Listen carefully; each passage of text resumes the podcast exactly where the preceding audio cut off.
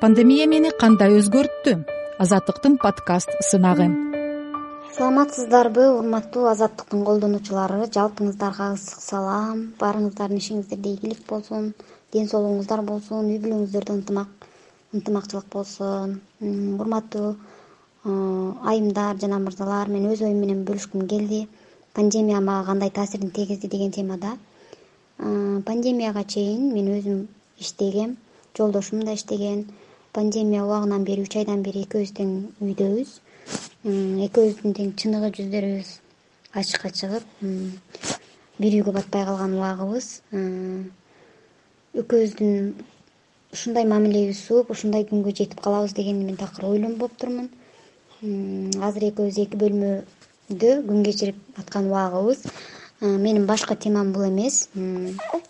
Урматтуу айымдар эжелер сиңдилер башыңыздардан өткөн кыйынчылыктар жөнүндө кеңешип кетсеңиздер мен ар бириңиздерди комментарийден күтөмүн. Жолдошуңуздардын саткандыгын кордогун муздак мамилесин кандай көтөргөнсүздөр кандай чыдап жеңгенсиздер турмуштун кыйынчылыгына кандай турмуштун кыйынчылыгын кандай көтөргөнсүздөр мен сиздердин ойлоруңуздарды уккум келет мен жөн эле мындай ичимдеги болгон арыз муңумду сиздерге жеткиргим келди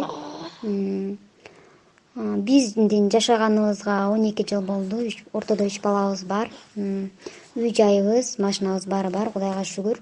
Бар болгону үйдө ынтымак жок бакыт жок береке жок. Уруш күндөт ошо болбогон эле нерседен уруш талаш көп болот. Байлык менен деле бакыт тапса болбойт экенине менин көзүм жетти да.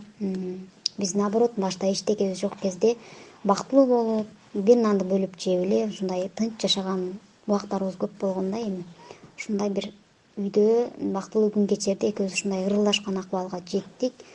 Пандемиянын болгону да жакшы болгон экен. Негизи ишенип жүргөн адамыңдын чыныгы жүзүн билип ага өзүндөй мамиле кылып мурдагыдай көзүн карап сыйлабай адамдын артынан бычак урганда уже билип калат экенсиң да кандай кылыштычы мен ушул азыр өзүнө жараша эле кылып жатам деп ойлойм сыйлаган сыйды да түшүнбөдү негизи мырзаларга кайрылып кетем. Жалпысына эмес э, ошо аялын кордогон аялын түшүнбөгөн э, бар го бизде кыргыздарда көп мен билемин.